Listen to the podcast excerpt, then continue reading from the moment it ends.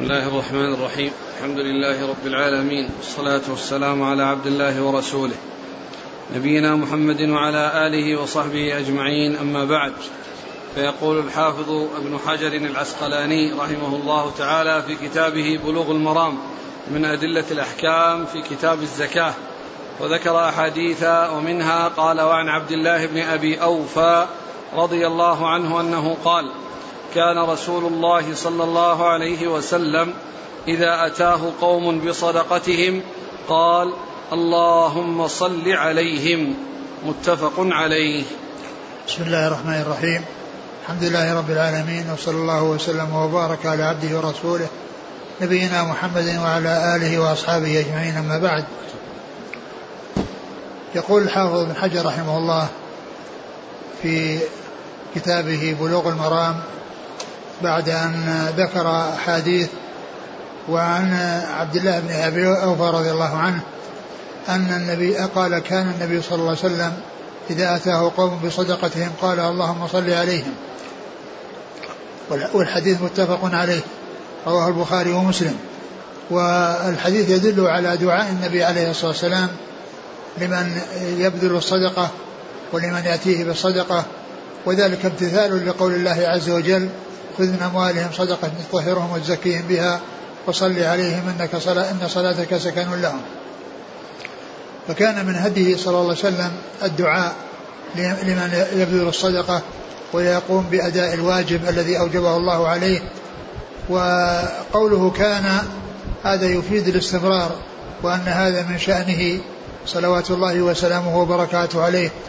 وكان تدل على الاستمرار لكنها قد تأتي غير الاستمرار كما في حديث عائشة رضي الله عنها قالت كنت أطيب رسول الله صلى الله عليه وسلم لإحرامه قبل أن يحرم ولحله قبل أن يطوف بالبيت لأنه عليه الصلاة والسلام ما حج إلا حجة واحدة وقد طيبته بعد أن رمى الجمرة ونحر هديه وحلق رأسه طيبته ونزل إلى مكة يطوف طواف الإفاضة.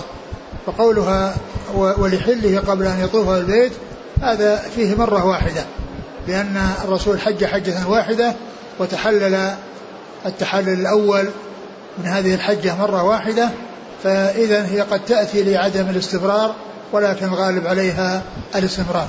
نعم. وعن علي رضي الله عنه أن العباس رضي الله عنه سأل النبي صلى الله عليه وسلم في تعجيل صدقته قبل أن تحل. فرخص له في ذلك. رواه الترمذي والحاكم. ثم ذكر هذا الحديث يتعلق بتعجيل الزكاة وأنه لا بأس به عند الحاجة إلى ذلك لأن العباس عم الرسول عليه الصلاة والسلام استأذن في تعجيل صدقته فأذن له في ذلك. وهذا فيما إذا كان عنده مال ويبلغ النصاب فإنه يمكن أن تقدم الزكاة عند الحاجة إليها. عند الحاجة إلى تقديمها فإنها تقدم ولا بأس بذلك. الوجوب لا تجب إلا بعد ما يحول الحول. الوجوب واللزوم لا يكون بعد حولان الحول ولكنه يجوز التقديم إذا كان هناك أمر يقتضيه. نعم. وعن جابر رضي الله عنه عن رسول الله صلى الله عليه وسلم أنه قال ليس فيما دون خمس أواق من الورق صدقة وليس فيما دون خمس ذود من الإبل صدقة وليس فيما دون خمسة أوسق من التمر صدقة.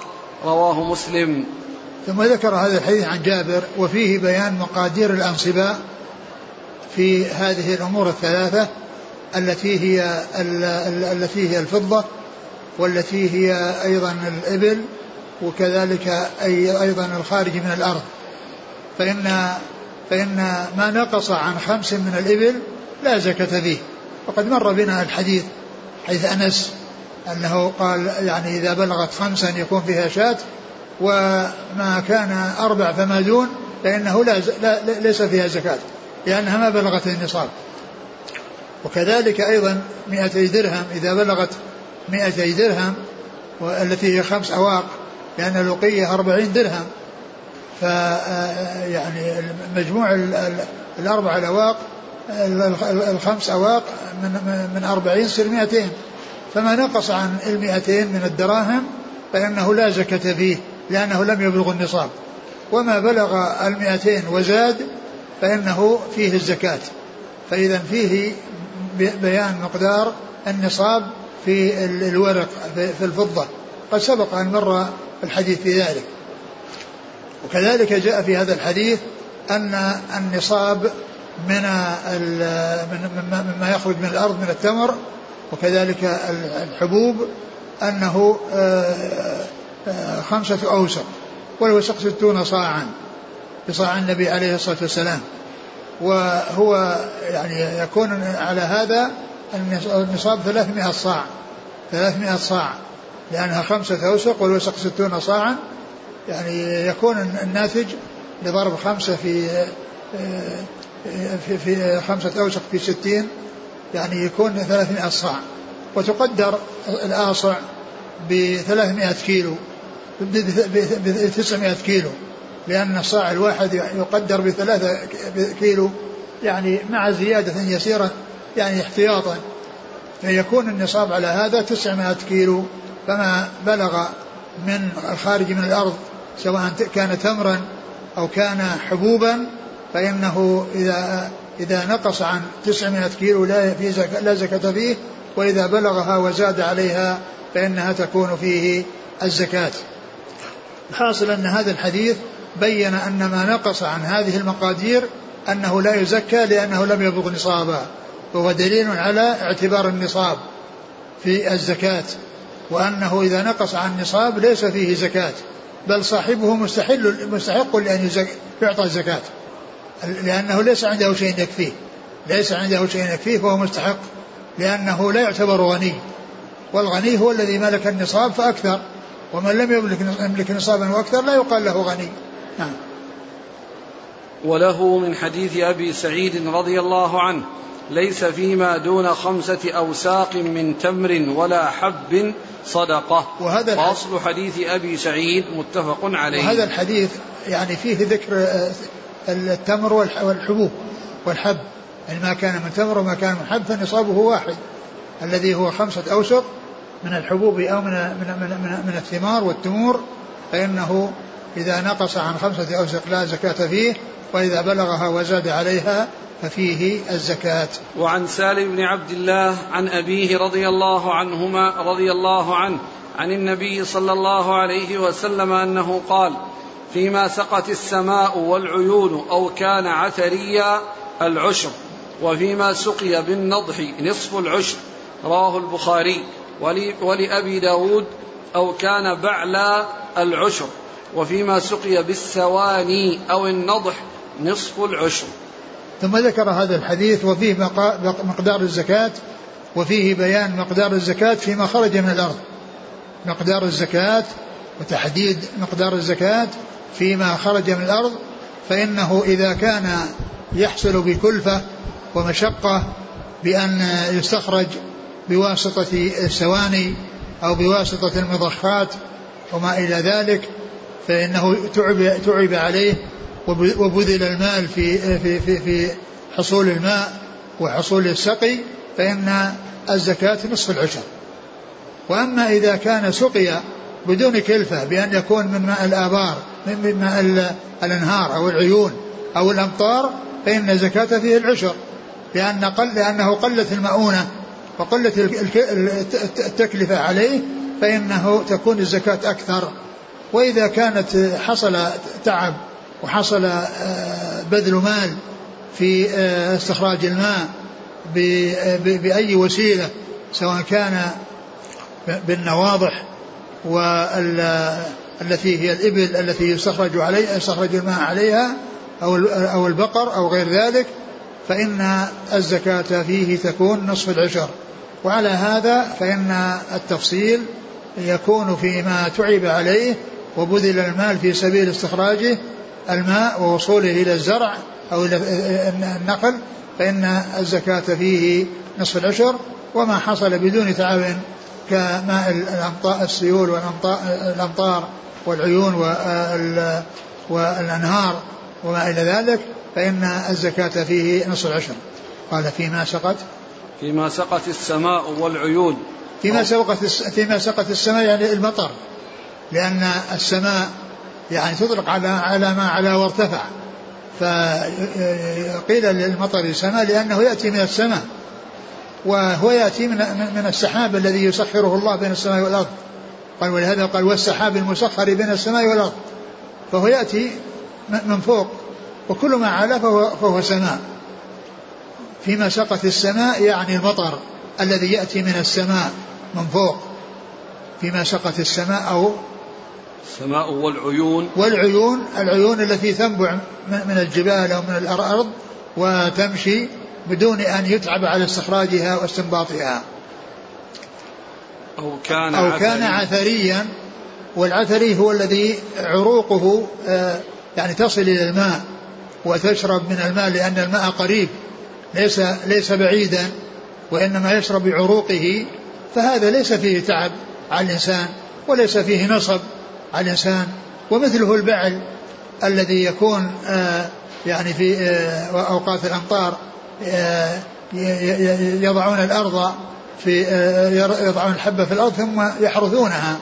ثم بعد ذلك يظهر النبات ولا يحصل منهم تعب إلا بكونهم نثروا الحبة وحرثوا الأرض.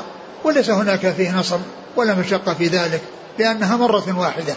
كونهم فعلوا هذا الفعل فيكون في ذلك آه، آه، الزكاة كالعشر العشر. من مما يخرج من الأرض إذا بلغ آه، نصابا فأكثر. والنصاب عرفنا أنه 300 كيلو من التمر 900 كيلو 900 كيلو من التمر والحبوب. وفيما سقي بالنضح نصف العشر. وما سقي بالنضح نصف العشر الذي هو الاستنباط. نضح من الآبار بأن يكون فيه إبل أو رجال يعني يستخرجون الماء ويصفون الزرع أو النخل فما كان بالتعب والنصب والمشقة فإن الزكاة تخفف فيه بحيث تكون نصف العشر. ولأبي داود أو كان بعلا العشر وفيما سقي بالثواني أو النضح نصف العشر ما كان بعلا هو مثل العثري يعني مثل العثري وما كان بالثواني أو النضح يعني النواضح وهي الإبل أو البقر التي يستخرج الماء بواسطتها بواسطة الغروب التي يعني تنزل بالرشاء وتظهر بذهابها وإيابها. فيكون في ذلك العشر نصف العشر لأنه حصل بنصب ومشقة. ومثل ذلك استخراجه بواسطة المضخات بواسطة هذه الوسائل الحديثة التي تنزل في الأرض ويصرف عليها كهرباء.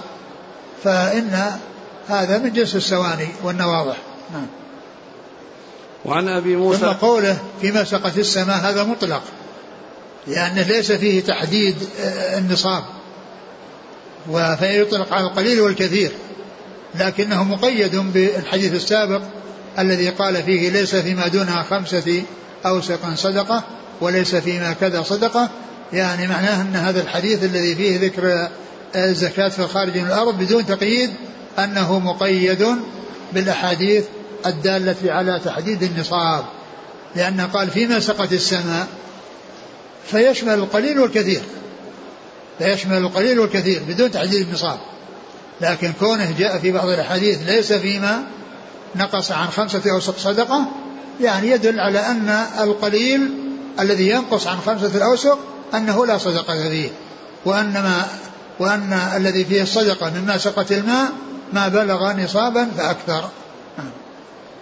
وعن أبي موسى الأشعري ومعاذ رضي الله عنهما أن النبي صلى الله عليه وسلم قال لهما لا تأخذها في الصدقة إلا من هذه الأصناف من هذه الأصناف الأربعة الشعير والحنطة والزبيب والتمر. رواه الطبراني والحاكم. ثم ذكر يعني هذا الحديث الذي فيه أن معاذا وأبا موسى لما ذهب إلى اليمن أمرهما بأن لا يخرج لا, لا يأخذ الزكاة إلا من هذه الأصناف الأربعة. يعني من الخارج من الأرض وهي التي تدخر وتتخذ قوتا وتبقى مددا طويلة فهذه التي فيها الزكاة.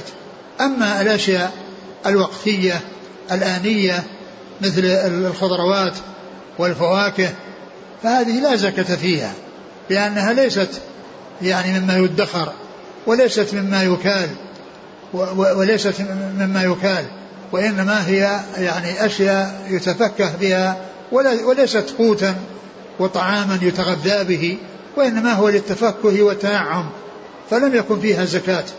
يعني ما من الخضروات والبطيخ والقثة وما إلى ذلك من الأشياء فإنه لا زكاة فيها وإنما الزكاة في الطعام الذي يتخذه الناس قوتا ويبقى ويخزنونه ويبقى عندهم طول السنة أو أكثر من السنة. وهم يأكلون منه وهم يأكلون منه غذاء تغذية ويعني طعاما يأكلونه ويتغذون به. هذه الأصناف الأربعة التي هي التمور والحبوب والزبيب الذي هو متخذ من العنب والشعير والحنطة. الشعير والحنطة ويعني وهما نوعان نوعان من أنواع الحبوب. وكذلك التمر والعنب. نعم. وللدار قطني عن معاذ رضي الله عنه قال فأما القثاء والبطيخ والرمان والقضب والقضب فقد عفى فقد عفى عنه رسول الله صلى الله عليه وسلم وإسناده ضعيف. ثم ذكر هذا الحديث الذي فيه أمور يعني لا زكاة فيها وهي من الأشياء الفواكه والخضروات التي ليست قوتا وليست يعني آه، من الأشياء التي تدخر للاقتيات بها فهذه لا زكاة فيها.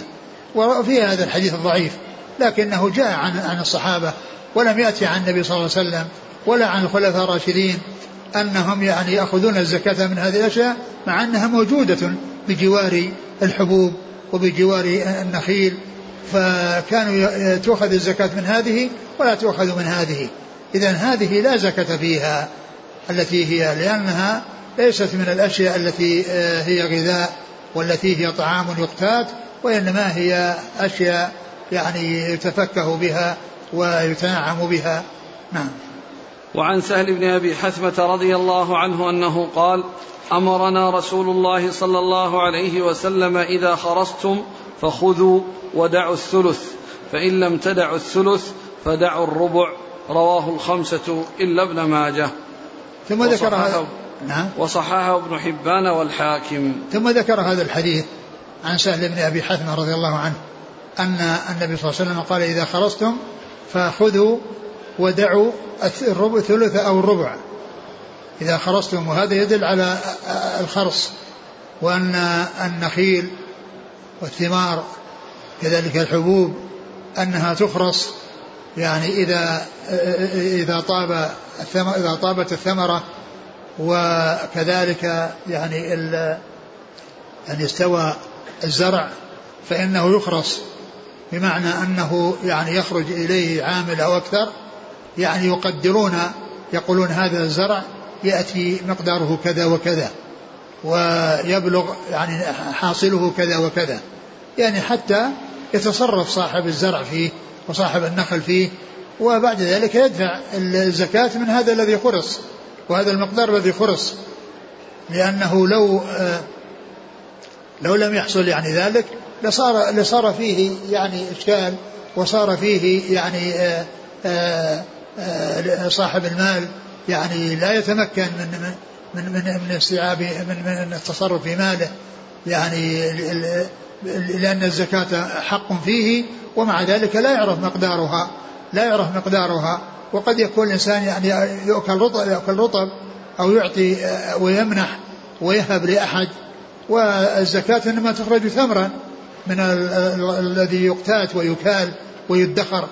فإذا خرص عرف المقدار الذي يجب على الإنسان أن يخرج الزكاة منه ويتصرف في ماله كيف يشاء.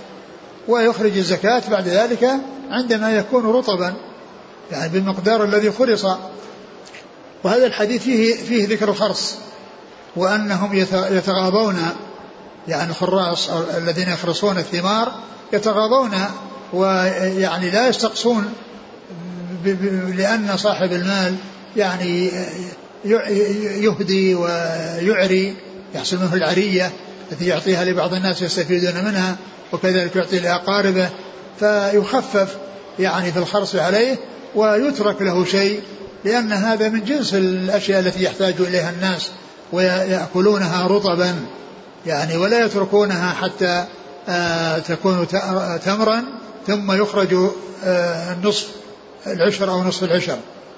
فبالخرص يتمكن صاحب الزرع وصاحب النخل من التصرف فيه ولكنه في النهاية يدفع هذا المقدار الذي آه، خرص عليه. والحديث آه، يدل على الخرص وعلى التجاوز عن المالك آه، بشيء منه يعني حتى يتصرف فيه ويعطي ويهب ويعري وينتفع غيره ينتفع هو وغيره من الرطب. وقد ثبت الخرص في صحيح البخاري أن الرسول عليه الصلاة والسلام حديث جابر لما ذهبوا إلى غزوة تبوك ومروا بوادي القرى مروا على جاء على امرأة لها حديقة فقال النبي صلى الله عليه وسلم اخرصوا اخرصوا فخرص الرسول صلى الله عليه وسلم وقال أنها تكون عشرة أوسق يعني ثمرتها عشرة أوسق. ثم قال أحصي ثمرتك وإذا رجعنا ننظر يعني فيها. فلما رجعوا وإذاها قد أحصت هذا وبلغت عشر أوسق عشرة أوسق كما خرص رسول الله صلى الله عليه وسلم. والحديث في صحيح البخاري في كتاب الزكاة باب خرص الثمر. باب خرص الثمر وهو ثابت في صحيح البخاري في هذا الحديث الصحيح. و وفيه أنهم لما رجعوا آه، وإذا أن وقد أحصت ما حصل فصار مطابقا لخرص رسول الله صلى الله عليه وسلم فأخذوا زكاة منها. وفي هذا الحديث يعني يعني عدة يعني أمور يعني يتعلق بالخرص وغير الخرص. ومما جاء فيه أنهم لما كانوا في في تبوك قال النبي صلى الله عليه وسلم إنه ستهب الليلة ريح شديدة فلا يخرج أحد منكم ومن كان له بعير فليعقله. فخرج رجل فحملته الريح وألقته في أرض طي يعني من من تبوك إلى حائل. يعني حملته الريح وألقته في ذلك المكان. هذا جاء في هذا الحديث الذي فيه ذكر الذي فيه ذكر الخرص نعم. وعن عتاب بن أسيد رضي الله عنه قال أمر رسول الله صلى الله عليه وسلم أن يخرص العنب كما يخرص النخل. وتؤخذ, وتؤخذ زكاته زبيبا. رواه الخمسة وفيه انقطاع. ثم ذكر هذا الحديث عن عتاب بن أسيد رضي الله عنه. وعتاب بن أسيد هو الذي أمره النبي صلى الله عليه وسلم لما فتحت مكة جعله أميرا عليها وكان شابا. كان شابا رضي الله عنه فأمره على مكة أو على أهل مكة بعد فتحها. فيروي هذا الحديث أن أن أن أن أن, أن عن الرسول صلى الله عليه وسلم أنه قال إذا إذا أمر صلى الله عليه وسلم أن يخرص العنب كما يخرص النخل. يعني أن الذي حصل في النخل وحصل في الزرع أيضا كذلك يكون في العنب لأن العنب يخرص يعني وهو في حال كونه عنبا وتؤدى الزكاة زبيبا لأن الزبيب هو الذي يبقى ويدخر. بخلاف العنب فإنه آه، يعني آه، يعتبر فاكهة في العينة وفي زمانه. لكن الذي إذا إذا يبس وجفف وصار زبيبا فإنه يتخذ قوتا ويدخر مثل ما مثل التمر مثل ما يدخر التمر يدخر الزبيب. فأمر بأن يخرص وهو عنب وتؤدى الزكاة زبيبا. ومثل ما أنه يخرص رطب وتؤدى الزكاة تمرا يخرص الثمر وهو رطب وتؤدى الزكاة يعني زبيبا. فهذا الحديث مثل مثل ذاك الحديث الذي يتعلق بالخرص. وأصل الخرص كما عرفنا ثابت في الصحيح وقد جاء في حديث سهل بن أبي حثمة في الحديث المتقدم وفي هذا الحديث الذي هو حديث عتاب بن أسيد رضي الله تعالى عنه. والله تعالى أعلم وصلى الله وسلم وبارك على عبده ورسوله نبينا محمد وعلى آله وأصحابه أجمعين. جزاكم الله خيرا وبارك الله فيكم. ألهمكم الله الصواب ووفقكم للحق. نفعنا الله بما سمعنا وغفر الله لنا ولكم والمسلمين أجمعين. سبحانك اللهم وبحمدك نشهد أن لا إله إلا أنت نستغفرك ونتوب إليك.